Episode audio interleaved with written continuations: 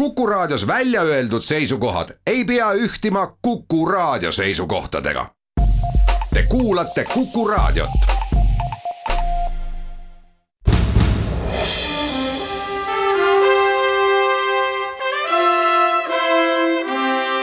vahetund Postimehega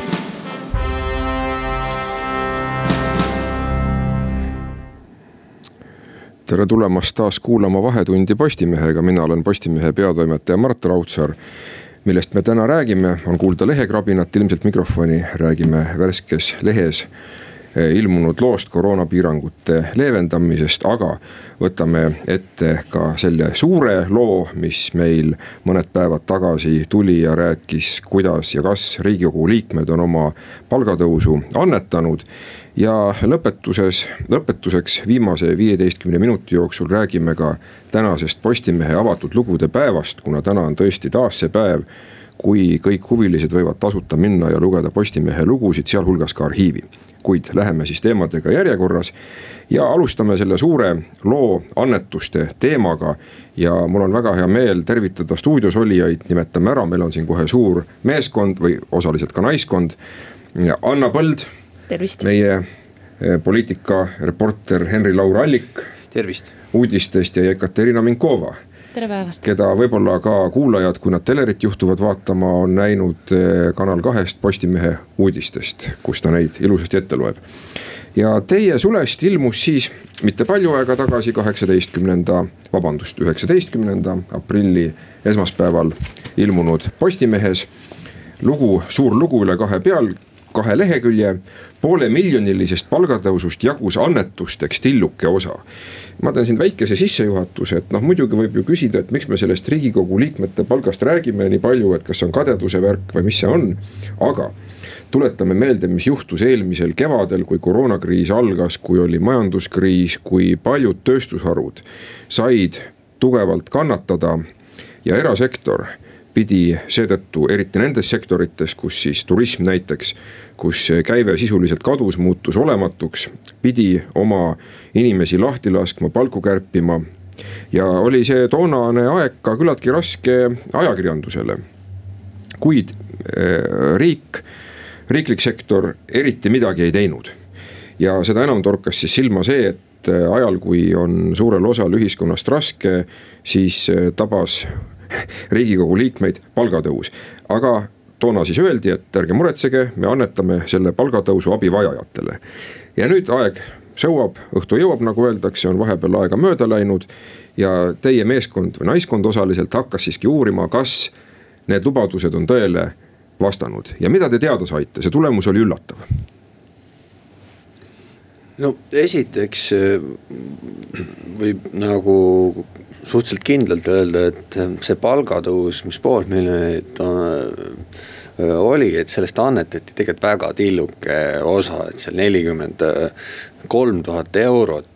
Poolest miljonist. poolest miljonist ja et saadikud ikkagist vaid üksikud seitse täies mahus ja ütleme seal neli pooles mahus, kes päriselt oma lubadust pidasid ja äh, siin tulebki seesama äh,, äh, tahan siin sellele kriitikale vastu vaielda, mis minu meelest jälle ei päde, et. et justkui me oleks selle äh, probleemi püstituse kuskilt äh, õhust võtnud, et äh, siis rahva ja poliitikute vahel ebausaldust tekitada, aga mm -hmm. nii see ei ole, et see probleemi püstituse tegid ikkagist, ikkagi poliitikud ise kui äh, nad seda lubasid ja et täpselt aasta aega tagasi, tuletame meelde, ju tõusis siis palk riigikogu liikmetel alates siis kolmesaja kahekümne ühest eurost ja. ja üks väga huvitav asi on ka see, et ajakirjanikud peavad meeles poliitikute lubadusi. ja, ja sellepärast ongi see tõesti, ma olen väga nõus ja, ja tahan ka seda eraldi väga rõhutada.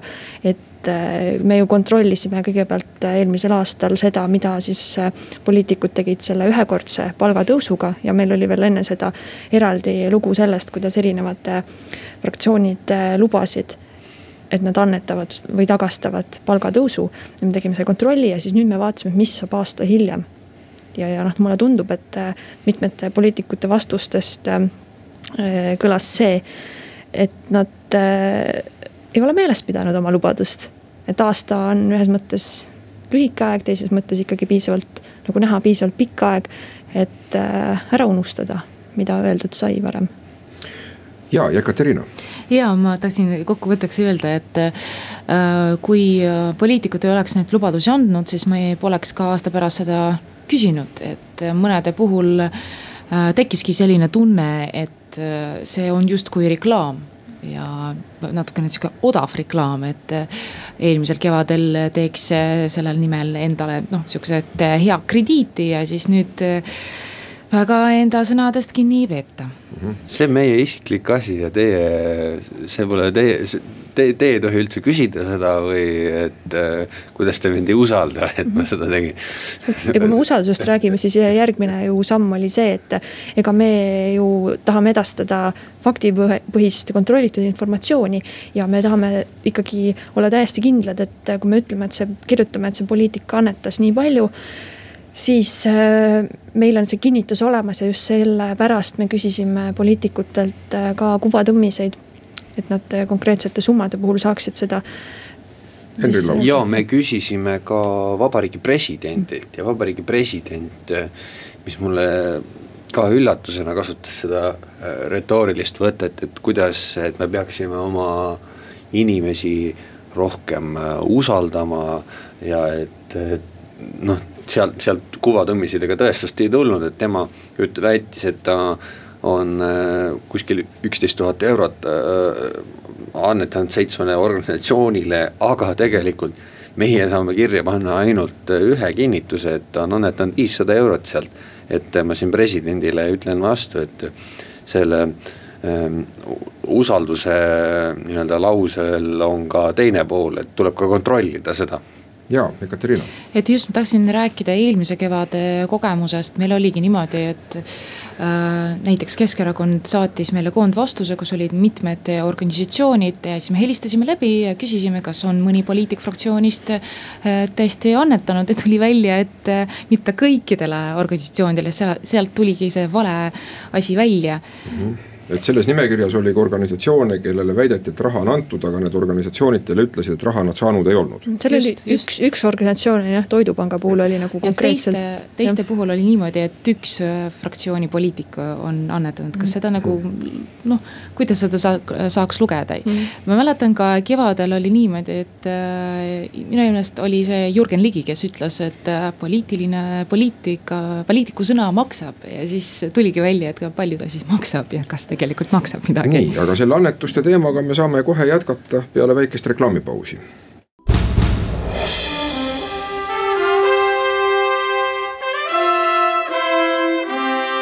vahetund Postimehega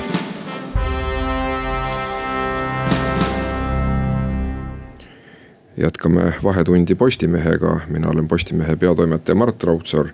räägime sellest, kas ja kui palju riigikogu liikmed annetavad oma palgatõusu, mis äh, tabas neid äh, eelmisel aastal, kui Eestit omakorda oli tabanud koroonakriis ja sellega kaasnev majanduslangus ja stuudios on siin suure vastava uuriva loo teinud uudiste osakonna inimesed. Henri Laurallik, Jekaterina Minkova ja Anna Põld. ja jätkame juttu, mis meil jäi pooleli enne reklaamipausi.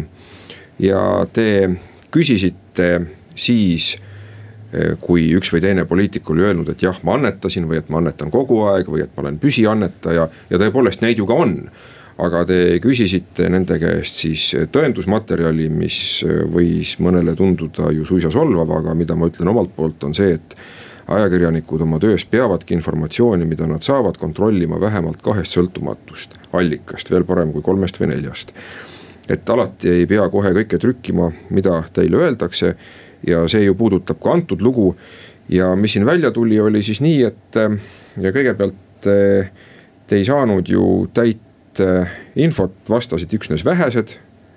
julgen öelda, et ehk siis, kui ma vaatan seda graafikut siin, et noh, võib-olla viiendik äkki riigikogu liikmetest üldse andsid teile mingisugust materjali. nii, aga mis te edasi tegite?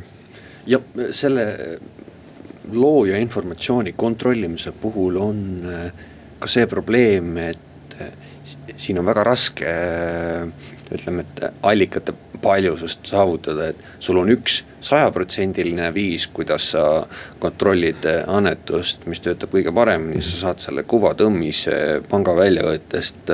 no iseenesest rohkem ei ole vaja, sa näed, on summa äh, ja organisatsioon ja siis sul on teine viis, mis on kahjuks poolik äh, et see, et sa äh, nii-öelda võtad organisatsiooniga ühendust ja küsid neilt aga üldjuhul, kuna nemad summasid välja ei anna siis sa saad sealt ainult selle kinnituse. aga seda summa, äh, äh, aga seda summat ainult siis, kui poliitik ütleb, et see informatsioon.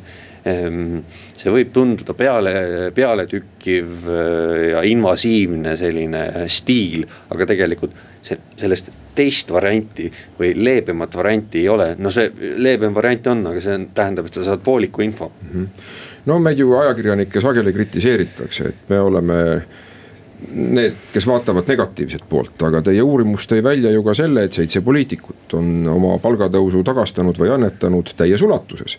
ja selle tõttu, et olla siis positiivne, ma loen kohe ette, kes siin on. Pildid on ka kenasti juures ja summad on juures, seda võib igaüks ise vaadata esmaspäevasest lehest. aga vasakult graafikus liikudes siis Jaak Valge, see on siin summade suuruse järjekorras. Jüri Luik Urmas Reinsalu, Priit Sibul, Riina Solman, Viktoria Ladõnskaja-Kubits ja Heiki Hepner, nemad olid siis need, kes annetasid täies mahus um, oma palgatõusu. ja nüüd huvitav on see, siin on ka väikene lisalugu, et kui te hakkasite seda teemat äh, uurima ja küsitlema siin ministreid, siis äh, aitasid, äh, te olite kohe vastamisi väga tugeva sellise kommunikatsioonitegevusega, kommunikatsiooniosakonnad aitasid vastuseid vormida ministritel, kuidas, kuidas see asi siis välja nägi? no kõigepealt me ikkagi võtsime eesmärgiks, et ministriga otseühendust saada ja, ja no ma räägingi, et minu kogemus oli selline, et äh, näiteks vastaski ministri nõunik. ühel korral äh, vastas ka minister ise et kuna me siis kolmekesi jagasime ära need erinevad ministrid, kellega suhelda. et siis jah, minul oli selline, sellised mitmekülgsed kogemused. aga, aga ma nagu saan täitsa aru, miks võeti siis nii-öelda nõunikud appi, et kui me meenutame seda, mis aasta tagasi kevadel oli, kuidas siis ähm, Taavi Aas äh, ütles meile, et äh, äkki, äkki soovite hoopis äh, PIN-koode. et mis, mis tegelikult nagu sellises kommunikatsiooni mõttes ähm, on intrigeeriv ja tõenäoliselt nõunikud selliseid vastuseid ei soovitaks. et siis ma saan aru, et sel aastal tulid siis nõunik appi talle. aga riigikogu lihtliikmetel ei ole jälle tervet ministeeriumi kommunikatsiooni või avalike suhete osakonda, mis üldjuhul on väga suured. et seal võib olla viis kuni kuus kuni seitse inimest, pluss siis veel kaks-kolm nõunikku, et riigikogu lihtliige, olgugi ta meie rahvaesindaja, tal võib see mõjuda raskelt. jah, aga samas ajakirjanikena on meil alati huvitav kajastada ka just nimelt seda erinevat läbilõiget, et kui, kuidas meile riigikogulased vastavad. millised, millised on siis nende sellised vaatekohad ja, ja noh, tõesti siin jällegi ka selles loos sel kevadel saime päris mitu sellist värvikat tsitaati. aga, aga öelge mulle nüüd, et miks on see lugu oluline selles mõttes ju, et kui me vaatame ka siin seda veerul, mida on öelnud erinevad tegelased, siin näiteks mõttekoja Praxis juhataja Urmo Kübar on öelnud, et annetamise kõige olulisem tunnus on vabatahtlikkus. või siis nüüd Alari Rammo siin viitab Vabaühenduste Liidust, et, et see annetamise teema iseenesest on natukene silmakirjalik. noh, kui nüüd kõik hakkaksid korraga annetama, ehm, noh, kas, kas see on see, mida me tahame, et, et mul endal on küll vastus, aga ma küsin teie käest, et miks me sellest teemast räägime, miks on see meile nii oluline? no tuleme jälle tagasi selle juurde, mida me saate esimeses pooles rääkisime, et, et see on oluline, et kontrollida poliitikute lubadusi, et kui sa raskel kriisi ajal annad lubaduse, et sa oled rahvaga solidaarne. annetad oma palgatõusu, mis tekitab pahameelt, on ju, et kuidas on võimalik, et nüüd palgad tõusevad, on ju, aga noh, see on seadusest tulenev siis muutus. ja, ja loomulikult, et kui sa annad sellise lubaduse välja, mis annab hea sõnumi, on hea reklaam, selline positiivne PR, siis ähm, on vaja neid lubadusi kontrollida. ja, ja miks me laiemalt mõtleme ka seda, et kui me vaatame ka poliitkultuuri, et kui kui tihti on see olukord, kus, kus ikkagi kontrollitakse, et mida meil no, näiteks lubati, ma ei tea, koalitsioonilepingus, valimistel, kui palju on neid täidetud, et, et ma arvan, et see lubaduste täitmine ja lubaduste ütlemine ja poliitikute roll, et, et see on üks selline Need on nagu nii omavahel seoses, et, et see on üks noh, mulle tundub, et üks väga oluline asi, et me kontrollikski neid poliitikute lubadusi. ja no siin on ju küsimus laiemas mõttes ka solidaarsuses, et kui nii-öelda laeval on nälg, siis ei ole ju nõnda, et jagatakse meeskonnale kuivikuid ja natuke vett ja siis kapten õgib salajaama kajutis aga nii, aga. teine asi on ka see, et see on auasi ja nagu organisatsioonidega endaga suheldes on tegelikult palju positiivsem. Äh, kui poliitik tuleb välja ja näitab, et ta annetas sellele, sellele need summad, et see äh, tõmbab sellele tähelepanu ja. valdkonnale. Äh, nii et jälle see väide, et, et ei, et see võib midagi paha põhjustada, et see jälle ei päde, sest organisatsioonid ise ütlevad, et neile on kasulik. kui reklaami tõmmatakse annetamisel. ja ma lihtsalt toon ühe näite, et, et kui näiteks, kui me saime siis äh, neid vastuseid.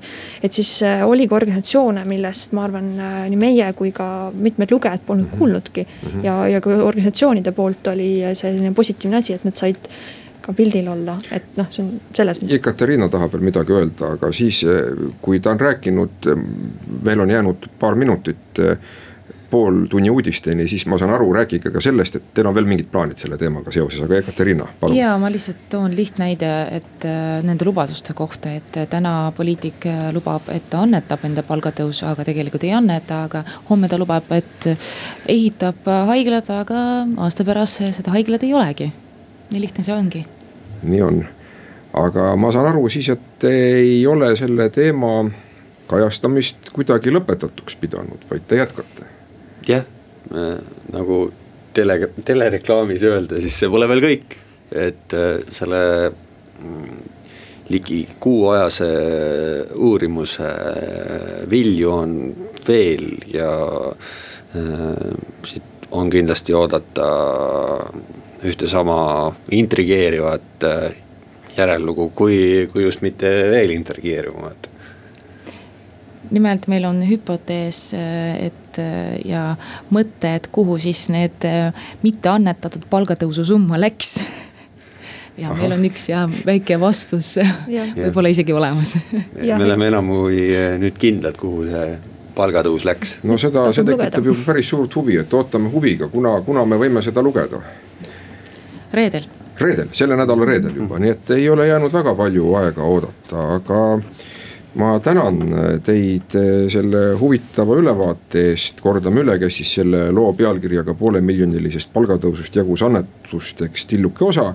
kes selle loo autorid olid, Anna Põld, Henri Laur Allik ja Ekaterina, Ekaterina Minkova, kes kõik olid ka praegu siin stuudios ja rääkisid selle loo sünnist, aitäh teile. ja nüüd läheme väikesele pooltunni pausile, kuulame pooltunni uudiseid ja ka reklaami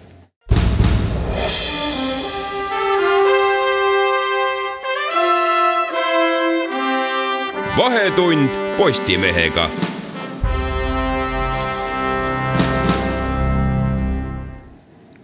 jätkame Vahetundi Postimehega, mina olen Postimehe peatoimetaja Mart Raudsaar ja vahetame teemat uueks teemaks nüüd järgmisel veerandil võtame koroonaviiruse piirangute leevendamise teema.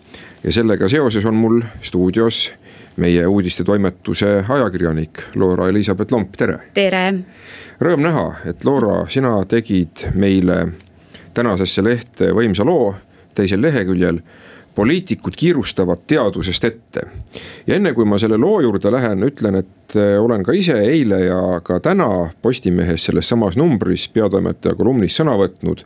piirangute leevendamise teemal ja öelnud, et Eesti võiks uurida, kuidas on oma koroona kommunikatsioonis hakkama saanud selline riik nagu Uus-Meremaa kes on edulugu, kuna neil on aasta jooksul olnud alla seitsmesaja nakatanu kokku. alla seitsmesaja nakatanu kokku ja milline oli nende kommunikatsioonistrateegia, ei olnud segaseid vastuolulisi sõnumeid ja kogu niisugune temaatika hoiti hästi lihtne ja rahvast kaasati asjasse. ja minu sõnum oli see, et kindlasti peaks olema nüüd koroonapiirangute leevendamine või ka mitte leevendamine teaduslik otsus kuna me ei ole enam selles faasis, kus meid oleks tabanud meteoriit kosmosest, millest me täpselt ei tea, kui suur see on või millest see koosneb. me oleme juba aasta aega koos selle viirusega elanud ja majandus on kohandunud, on üht-teist uuritud selle viiruse kohta, midagi me juba teame. järelikult on ka teadlastel üht-teist öelda. nii, aga mida siis sa, Loora, teada said ja ei ole kena minust küsida teist küsimust otsa, aga teen seda siiski, et mida on juurde toonud tänane veebipäev, ma näen, et see teema on edasi arenenud, arenenud ja teadusnõukogu liikmed on hakanud ka sõna võtma. jah, teadusnõukoja liikmed on no ütleme, nad on vägagi kurvad selle uudise üle, mida siis äh, valitsus äh, tõi eile äh, lauale, et piiranguid leevendati ja mitte järk-järgult, vaid et kohe pea igas valdkonnas äh, mingi järk võeti ette. Ähm, kõige lihtsam on vist seda kuidagi selgitada niimoodi, et meil on äh, nakatumiskordaja, mis on nüüd kukkunud alla ühe, ta on äh, null koma kaheksakümmend viis. ehk tuletame meelde kuulajale, nakatumiskordaja on number, mis näitab, mitut inimest üks haige inimene suudab nakatada viirusse. jah ja ta on meil praegust null koma kaheksakümmend viis, see tähendab seda, et praegust me oleme sellisel kõrgel platool, et me oleme stabiilsed. aga juba, kui ta jõuab ühe peale, siis see tähendab seda, et ta hakkab äh, jah tõusma, kasvama. ja niimoodi see, ütleme siis joon jälle läheb väga järsult üles nii et meil on null koma kaheksakümne viiest üheni, ütleme kaks siis sellist äh, null koma kaks punkti ja teadusnõukoda eri noh, nii Krista Fischer kui ka Irja Lutsar ütlesid selle peale, et ja, et see null koma kaks saakski ära kasutada ainult ühe valdkonna peale. et kas me laseme siis leevendame õpilaste koolis käimist või siis avame meelelahutuse ja kumbki võtab kohe selle kaks punkti ära. aga see, et seda nagu, et ei oleks kõike koos leevendatud siis see tähendaks seda, et me ikkagi ei tõuseks, aga nüüd, kui meil on nii palju leevendusi tehtud, siis me võime väga järsult ülesse minna, ehk siis see tähendab seda, et kas jälle uuesti tulevad piirangud peale mai lõpuks või siis äh, suuremate Mm, piirangud lükkuvad jälle edasi, et nende leevendamine. kas see otsus võis olla siiski poliitiline, mitte teaduslik otsus, sest et mida me oleme ju ka teada saanud, mida tänane Postimees ka, ka veebis kajastab, on see, et Reformierakonna jaoks on reitingud väga olulised, no mida me teame niigi juba. aga et neid reitinguid ohustab eh, väga piirangute temaatika praegu, et see ei ole mõjunud hästi mina, mina olen niimoodi näinud, et ütleme, see pool aastat mis siis nüüd ütleme, eile Tanel Kiik ütles, et ja, et me liigume, et meil on praegust koroonanäidud selle aasta kõige paremad.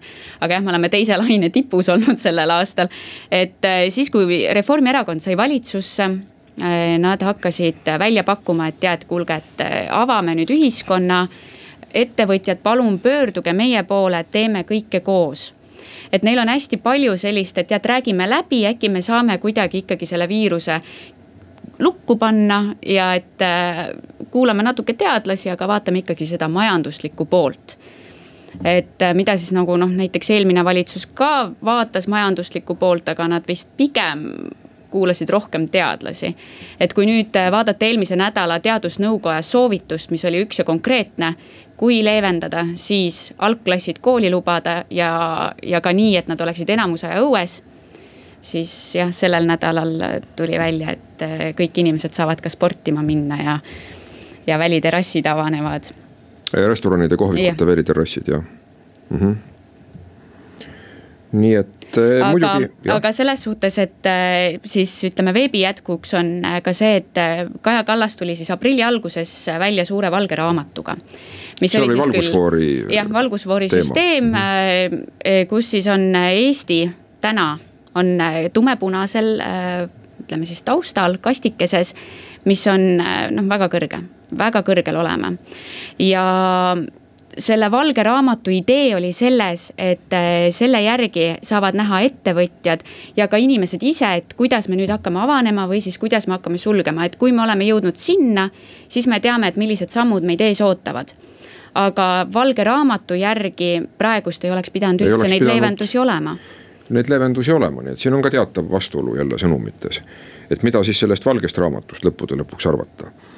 aga noh, mis siis nüüd, mis siis nüüd edasi saab, mind huvitab ka see küsimus, et eh, kuna eh, Loora-Liisabeth, eh, sa oled seda teemat uurinud, kas on näha, et meile hakkab tulema ka rohkem vaktsiine lähiajal? Äh, ütleme nii, et öeldakse, et tead, miljon doosi peaks nüüd selles kvartalis jõudma, aga aga teades seda, kuidas äh, tarned kas hilinevad või siis öeldakse, et teate, et sellel nädalal te päris äh, viiteist tuhandet doosi ei saa, et me toome kaks tuhat, et. et siin on ka juba Euroopa Komisjon natukene kinni jäänud äh, siis ütleme tootjate juures, et äh, tootja ütleb seda, mida ta teeb ja kuidas ta teeb ja viimasel hetkel. Et äh, tahaks loota, et jõuab, aga ei tea kindlalt, aga muidugi juurde lisaksin, et äh, kuigi äh, tervise- ja tööminister Tanel Kiik ütles, et tead, meil vaktsineerimine sujub ja kõik on hästi ja seetõttu on ka leevendamine väga hea. siis need süstid, mis praegust tulevad, kes saavad siis vaktsineeritud, nende kaitsevõime on alles, ütleme kuu-kahe pärast. et tegelikult praegust leevendada sellega, et meil on kolm, peaaegu kolmsada tuhat inimest, kes on esimese süsti saanud. Veel on inimesi, kes on läbi põdenud, aga nende antikehade hulka ei ole teada, sest et äh, need inimesed, kes põevad, noh, ütleme, on haiged raskemalt. Neil on tugevamad Rohkem antikehad antikehi. Mhm. jah, ja need, kellel on noh, ütleme enamjaolt noored, kes siis põevad selle noh, väga lihtsalt äh, läbi, et neil on hästi nõrgad need, et ähm, et see kõik, no see kõik on nagu nii erinev ja see mõjutab väga palju, et nüüd me leevendame, nüüd me hakkame, kontakte tekib juurde. Ja, aga vaktsineerimine ei ole veel äh, täie tempoga alanud. jah, sõnum, mis võiks jääda kõlama, on see, et ikkagi tuleks kuulata rohkem teadlasi, kes teavad päris palju juba selle viiruse olemuse ja käitumise kohta. et muidu tekib meil fenomen, et me lõikame seda koera saba siin kolm korda jupiti ja iga kord on valus. et pigem siis nagu üks kord ja, ja, ja lõpuni, võiduka lõpuni, kuna ilmselgelt ju need vaktsiinid tulevad ja ja tuleb ka suvi, mis viirusele, nagu me teame, ei mõju hästi, tapab päikesevalgus seda viirust päris edukalt. et eh, võiks minna vastu siis rahuliku südamega sügisele, aga noh, elame-näeme, et eh, lõppude lõpuks me ju kõik näeme, mis juhtuma hakkab, statistika ei, ei valeta meil erinevalt Hiinast, kus ju vahepeal üldse mitte midagi polnud, mis on täiesti uskumatu. aga see selleks, aitäh, Loora-Elisabeth Lomp eh, selle, selle vestluse eest ja vaatame huviga ja, ja paneme inimestele muidugi südamele, et olge jätkuvalt ettevaatlikud. Läheme väikesele reklaamipausile.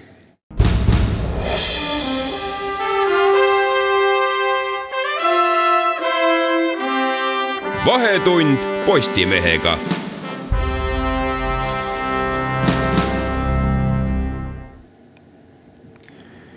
ja jätkame Vahetundi Postimehega, oleme jõudnud saate viimasesse veerandisse.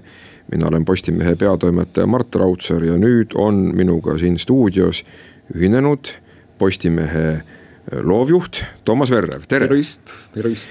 me räägime põnevast ettevõtmisest sinuga, mis on siis äh, avatud lugude päev, aga ütle mõne sõnaga, mida loovjuht üldse Postimehes teeb? Loovjuht vaatab, et me oleks, et oleks ideid ja need ideed ka saaks teostatud. avatud lugude päev on üks nendest ideedest, mis on tekkinud ja nüüd on ka saanud oma teostuse. ja see, see päev tähendab seda, et eh, kui tavaliselt pääsevad maksumüüri taha ainult need, kes on Postimehest tellinud, siis eh, täna saavad Postimehest lugeda vabalt, ka arhiivi kõik, kes seda soovivad. kuigi jah, nad peavad ennast selleks registreerima, aga see ei ole nüüd tohutu jõupingutus. et eh, kõik Postimehe sisu, väärtsisu on avatud täna jah, see mõte ongi selles, et äh, aina rohkem ja rohkem meie sisu läheb maksumüüri taha. see ei ole mitte ainult Eestis nii, vaid see on ka igal pool mujal maailmas nii. aga samas on palju inimesi, kes veel ei ole Postimehe tellijad. me tahaksime neile näidata siis, mis on see väärtsisu, mida me toodame. tegelikult siin on üks teine aspekt veel. et kui kunagi kakskümmend aastat tagasi umbes oli äh, veebi, siis ajalehe veeb oli millegi sellist, kus lihtsalt kopeeriti lugusid, mis olid paberlehes siis täna on see kaalukausid teistpidi pöördunud. me näeme, et veeb on see, kus toimub põhiline liiklus. kuigi me ei ütle, et paberileht oleks millegipärast vähem tähtis, aga lihtsalt see muutused, mis on toimunud, eriti peale koroonat. ja koroona ajal meie veebis on küllaltki muljetavaldav sa oled töötanud ka reklaamiagentuuris, ütle, kas ma eksin, kui ma toon sellise võrdluse, et see avatud lugude päev on nagu tooteproov. sa lähed autosalongi, sulle antakse autopäevaks sõita, proovi, kuidas on, kas meeldivad nahkistmed või noh, kuidas feeling on? Noh, tegelikult ongi sampling, et selles mõttes õige mõte, et see ongi sampling ehk siis proovimine üheks päevaks. me küll teeme seda niimoodi, et me, ta ei ole kindlasti ette planeeritud, kui sa autot proovimas, siis mõtled, et jah, ma võtan selle järgmise nädala teisipäeval, siis ma sõidan ja siis ma vaatan. või maalt kartuleid. just täpselt aga meie teeme natuke sellist nagu üllatuslikult seda mm, -hmm. et me ette ei ütle, meil nüüd on teist korda toimus avatud lugude päev esimene kord oli see üksteist äh, märts vist, nüüd me tegime seda uuesti. ja too oli päev, kui hakkasid kehtima võimsad koroonapiirangud. just, kui Eesti läks lukku. me Mis... tegime lehe lahti tol päeval. ja nüüd me siis tegime uuesti teise katse. ja täna on siis äh, välja kuulutatud ju, et koroonapiiranguid leevendatakse. nii et teatud rütm on meil siin välja kujunenud. kuid meie sõnum on ikkagi see, et riik on endiselt lukus, aga meie lood on täna lahti. loomulikult on see, selliste asjade tegemine on protsess noh, me näeme, et võib-olla kõik asjad ei funka veel nii hästi, kui võiksid töötada. aga kindlasti muudame oma asja veel paremaks, katsetame, vaatame, proovime ja kindlasti võib öelda, et pool saladuskattel, et kunagi tuleb veel, veel mõni avatud lugude päev. seda on hea teada aga kui ma vaatasin täna Postimehe veebi, siis mulle tundus, et sinna olid ilmunud ka mõned eriliselt head lood meie lähiminevikust, ma ei mõtle Eesti minevikku, aga Postimehe kajastuse minevikku et kui ma ütlesin, et äh, meie veeb on muutunud, siis tegelikult see, kuidas me lugusid on, me rikastame. kui me sinna paneme juurde videosid, graafikuid ja teeme sellest noh, omaette võib isegi öelda, et mõneti veebilehe. siis äh, avatud lugude päev ongi üks selline hea võimalus näha nendel inimestel, kes ei ole meie digitellijad, kuidas siis see asi välja näeb ega see nüüd väga keeruline ei ole, kui on mõni vanem inimene sinna minna niimoodi ja ennast registreerida. tegelikult see on väga lihtne, et kui see inimene läheb kas siis mobiilis või desktop'is ehk siis Arvutis. suure arvutiga läheb, läheb Postimehe lehele, siis kohe seal üleval on kollane bänner, kus on punane nupp, registreeri. klikad sinna peale ja siis kolme nupuvajutusega oledki registreerunud ja juba saad kogu meie sisu nautida mm. -hmm. põnev on ka see, et seal mitte ainult Postimehe sisu, vaid ka meie kõikide maakonnalehtede oma ja ka Elu24 oma tuletame lugejatele meelde siis, et meil on ju Postimehel on olemas maakonnalehed olulistes maakonnakeskustes nagu Pärnu, Viljandi, Paide, Rakvere ja noh, muidugi Tartus on mm, Lõuna-Eesti Postimees ja Tartu Postimees, mida me küll päris eraldi maakonnaleheks ei loe, aga siiski ta on tähtis leht Tartu inimestele.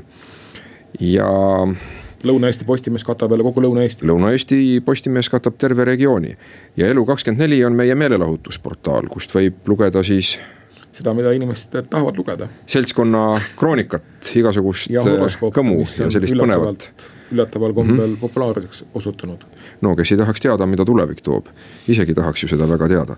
aga kui, kui sa nüüd vaatad äh, sellele meie suhtlusele lugejaga, siis äh, see on ju mõeldes sellele, kuidas oma lugejaga suhtlevad kogu maailmas. meediaettevõtted, ajalehed, ka telekanalid. see on hästi-hästi oluline teema. et olla oma lugeja jaoks avatud, mitte ainult mõnel päeval aastas sisu mõttes vaid ka selles mõttes, et me kuulame, mida meie lugeja lugeda tahab. ja siin ma võin tagasi minna ajaloos edasi aegadesse, kui oli seal koostöö sotsioloogia laboriga ja uuriti oma lugejat, et mida ka maakonnalehed uurisid oma lugejat. mulle tuleb meelde seal Lauristini Vihalemma ja Sulev Uusi raamat Rajoonileht ja lugeja. et see on pikk traditsioon Eestis, et teada, kes on eh, minu lugeja ja mida ta teada tahab ma arvan, et me jätkame sellel teemal ju, Toomas, et me tahame teada, mida meie lugeja soovib meilt ja me oleme alati valmis võtma vastu ka häid kaastöid, me tahame seda ka kindlasti. veebis arendada jätkuvalt, et äh, veeb ei saa ju kunagi täis erinevalt paberlehest, see on veebi puhul väga hea aspekt. aga see õige mõte ongi see, et kelle nägu on Postimees, Postimees on meie lugejate nägu. ja millised lood ilmuvad Postimehes, kes seda otsustab, see on ikkagi meie lugeja.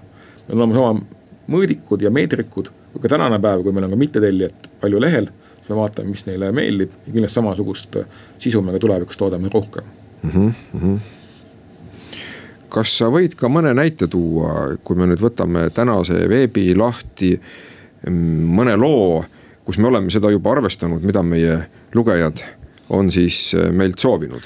üks huvitav lugu on Kristiina Herodese lugu Õudne elu ideaalse naisega. mis räägib siis teiste inimeste lugusid, mis on täiesti, ütleme nii, et üllatav. ja see lugu on olnud äärmiselt populaarne, täiesti isegi üllatav, et ta ei olnud üldse nii suurelt mõeldud, aga ta oli meil juba enne siis kui ta, oli meil vist esilehel isegi. ütleme lühidalt, millest see lugu räägib, me ei räägi kõike ümber, et jätta põnevust, aga. see lugu räägib suhetest, ehk millised, et kui alati, kui inimene saab kokku ideaalse naisega, ta elab koos, siis kõik ei olegi nii ideaalne, kui tundub. kuigi peales, noh välise kesta järgi oleks kõik nagu sukkmärv. ja samasugust sisu Kristina Herodes on avaldanud ka hiljem ja mul on tunne, et need on sellised lood, mis väga lugejatele meeldivad ma olen ka aru saanud, et see lugu pälvis väga suurt huvi ja tähelepanu lugejates ja see on üks valdkond, mida me tahame nüüd peagi, kui me räägime Postimehe nädala vahetusest, kui me tahame tulla välja täiesti uue ja võimsa nädalavahetuse väljaandega, nii et jälgige reklaami, head kuulajad, see ei juhtu väga kauges tulevikus siis ka selles nädalavahetuse lisas me tahame kindlasti suhetest rääkida. aga loomulikult on seal väga palju sellist eh, tõsist eh, kvaliteetset materjali, mis on iseloomustanud ju Postimeest nädalavahetusel mm, minevikus. aga selle loo puhul on üks huvitav asi, et ei räägi mitte suhetest, vaid räägib suhetest läbi inimeste prisma inimeste mm, -hmm. kes tõesti elavad meie keskel. ja need on tõesti on sündinud lood, mitte mingisugune väljamõeldis või selline haip. kuskilt eh, USA aja kirjast võetud äh, lood. kuid üks teine lugu, mis äh, on hästi palju tähelepanu pälvinud, on ka Andi Meistri intervjuu. Andi Meister oli kunagi Estonia uurimiskomisjoni juht, kes äh, lahkus sealt ametikohalt teatud skandaaliga ja kes on umbes kakskümmend aastat vaikinud. me saime eelmine, see aasta novembris, tegime temaga intervjuu ja siiamaani on tema intervjuu, see on esimene kord, kui ta lõpetas vaikimise, väga populaarne. kuna me Postimehes oleme kajastanud Estonia teemat, Estonia uppumise teemat äh, väga palju. siis Andi Meistri intervjuu on üks selline lugu, mis, äh, mis kindlasti on siiamaani inimest huvitav lugeda. Estonia teema on kindlasti üks ka, me võime öelda, et see on teema, millega me kajastamisega me jätkame. kindlasti me jätkame selle teema kajastamisega, kuna siin on väga palju segast ja vastamata vastamata küsimusi ja mõnedele ju sellest Andi Meistri intervjuust vastuse saab, aga kindlasti mitte kõikidele. et, et see on selline selline teema, mida tulebki edasi uurida ja, ja edasi, edasi vaadelda. see on üks samasugune näide, mida ma ütlesin, et me oleme oma lugejate nägu, kui lugejaid huvitab Estonia katastroof, siis on, me seda asja uurime ja kajastame nii hästi, kui me saame mm. -hmm. ja seda me kindlasti teeme aga suur tänu, Toomas Verrev, Postimehe loovjuht, selle pisikese vestluse eest. juhin siis uuesti meie heade kuulajate tähelepanu sellele, et täna on Postimehe avatud lugude päev. mis tähendab seda, et kõik meie Postimehe lood, nii uued lood kui vanad lood arhiivis on vabalt saadaval. Ning tänase päeva puhul me oleme esile tõstnud, nähtavaks muutnud ka sellist väärt sisu, mida me ise oluliseks peame, mille üle me uhked oleme ja nii, et mis ma oskan soovida, kui et eh, head lugemist ja, ja tundke, tundke rõõmu sellest, mida me teile oma parima äranägemise järele oleme pakkunud. niisugune oli tänane eh, Vahetund Postimehega. Mina olen Postimehe peatoimetaja Mart Raudsaar. soovin teile kõike paremat, püsige terved ja kui ilmad lähevad ilusaks, siis olge ka väljas aga ärge unustage uudiseid, mida teieni toob alati operatiivselt ja kenasti Postimees. kõike paremat teile.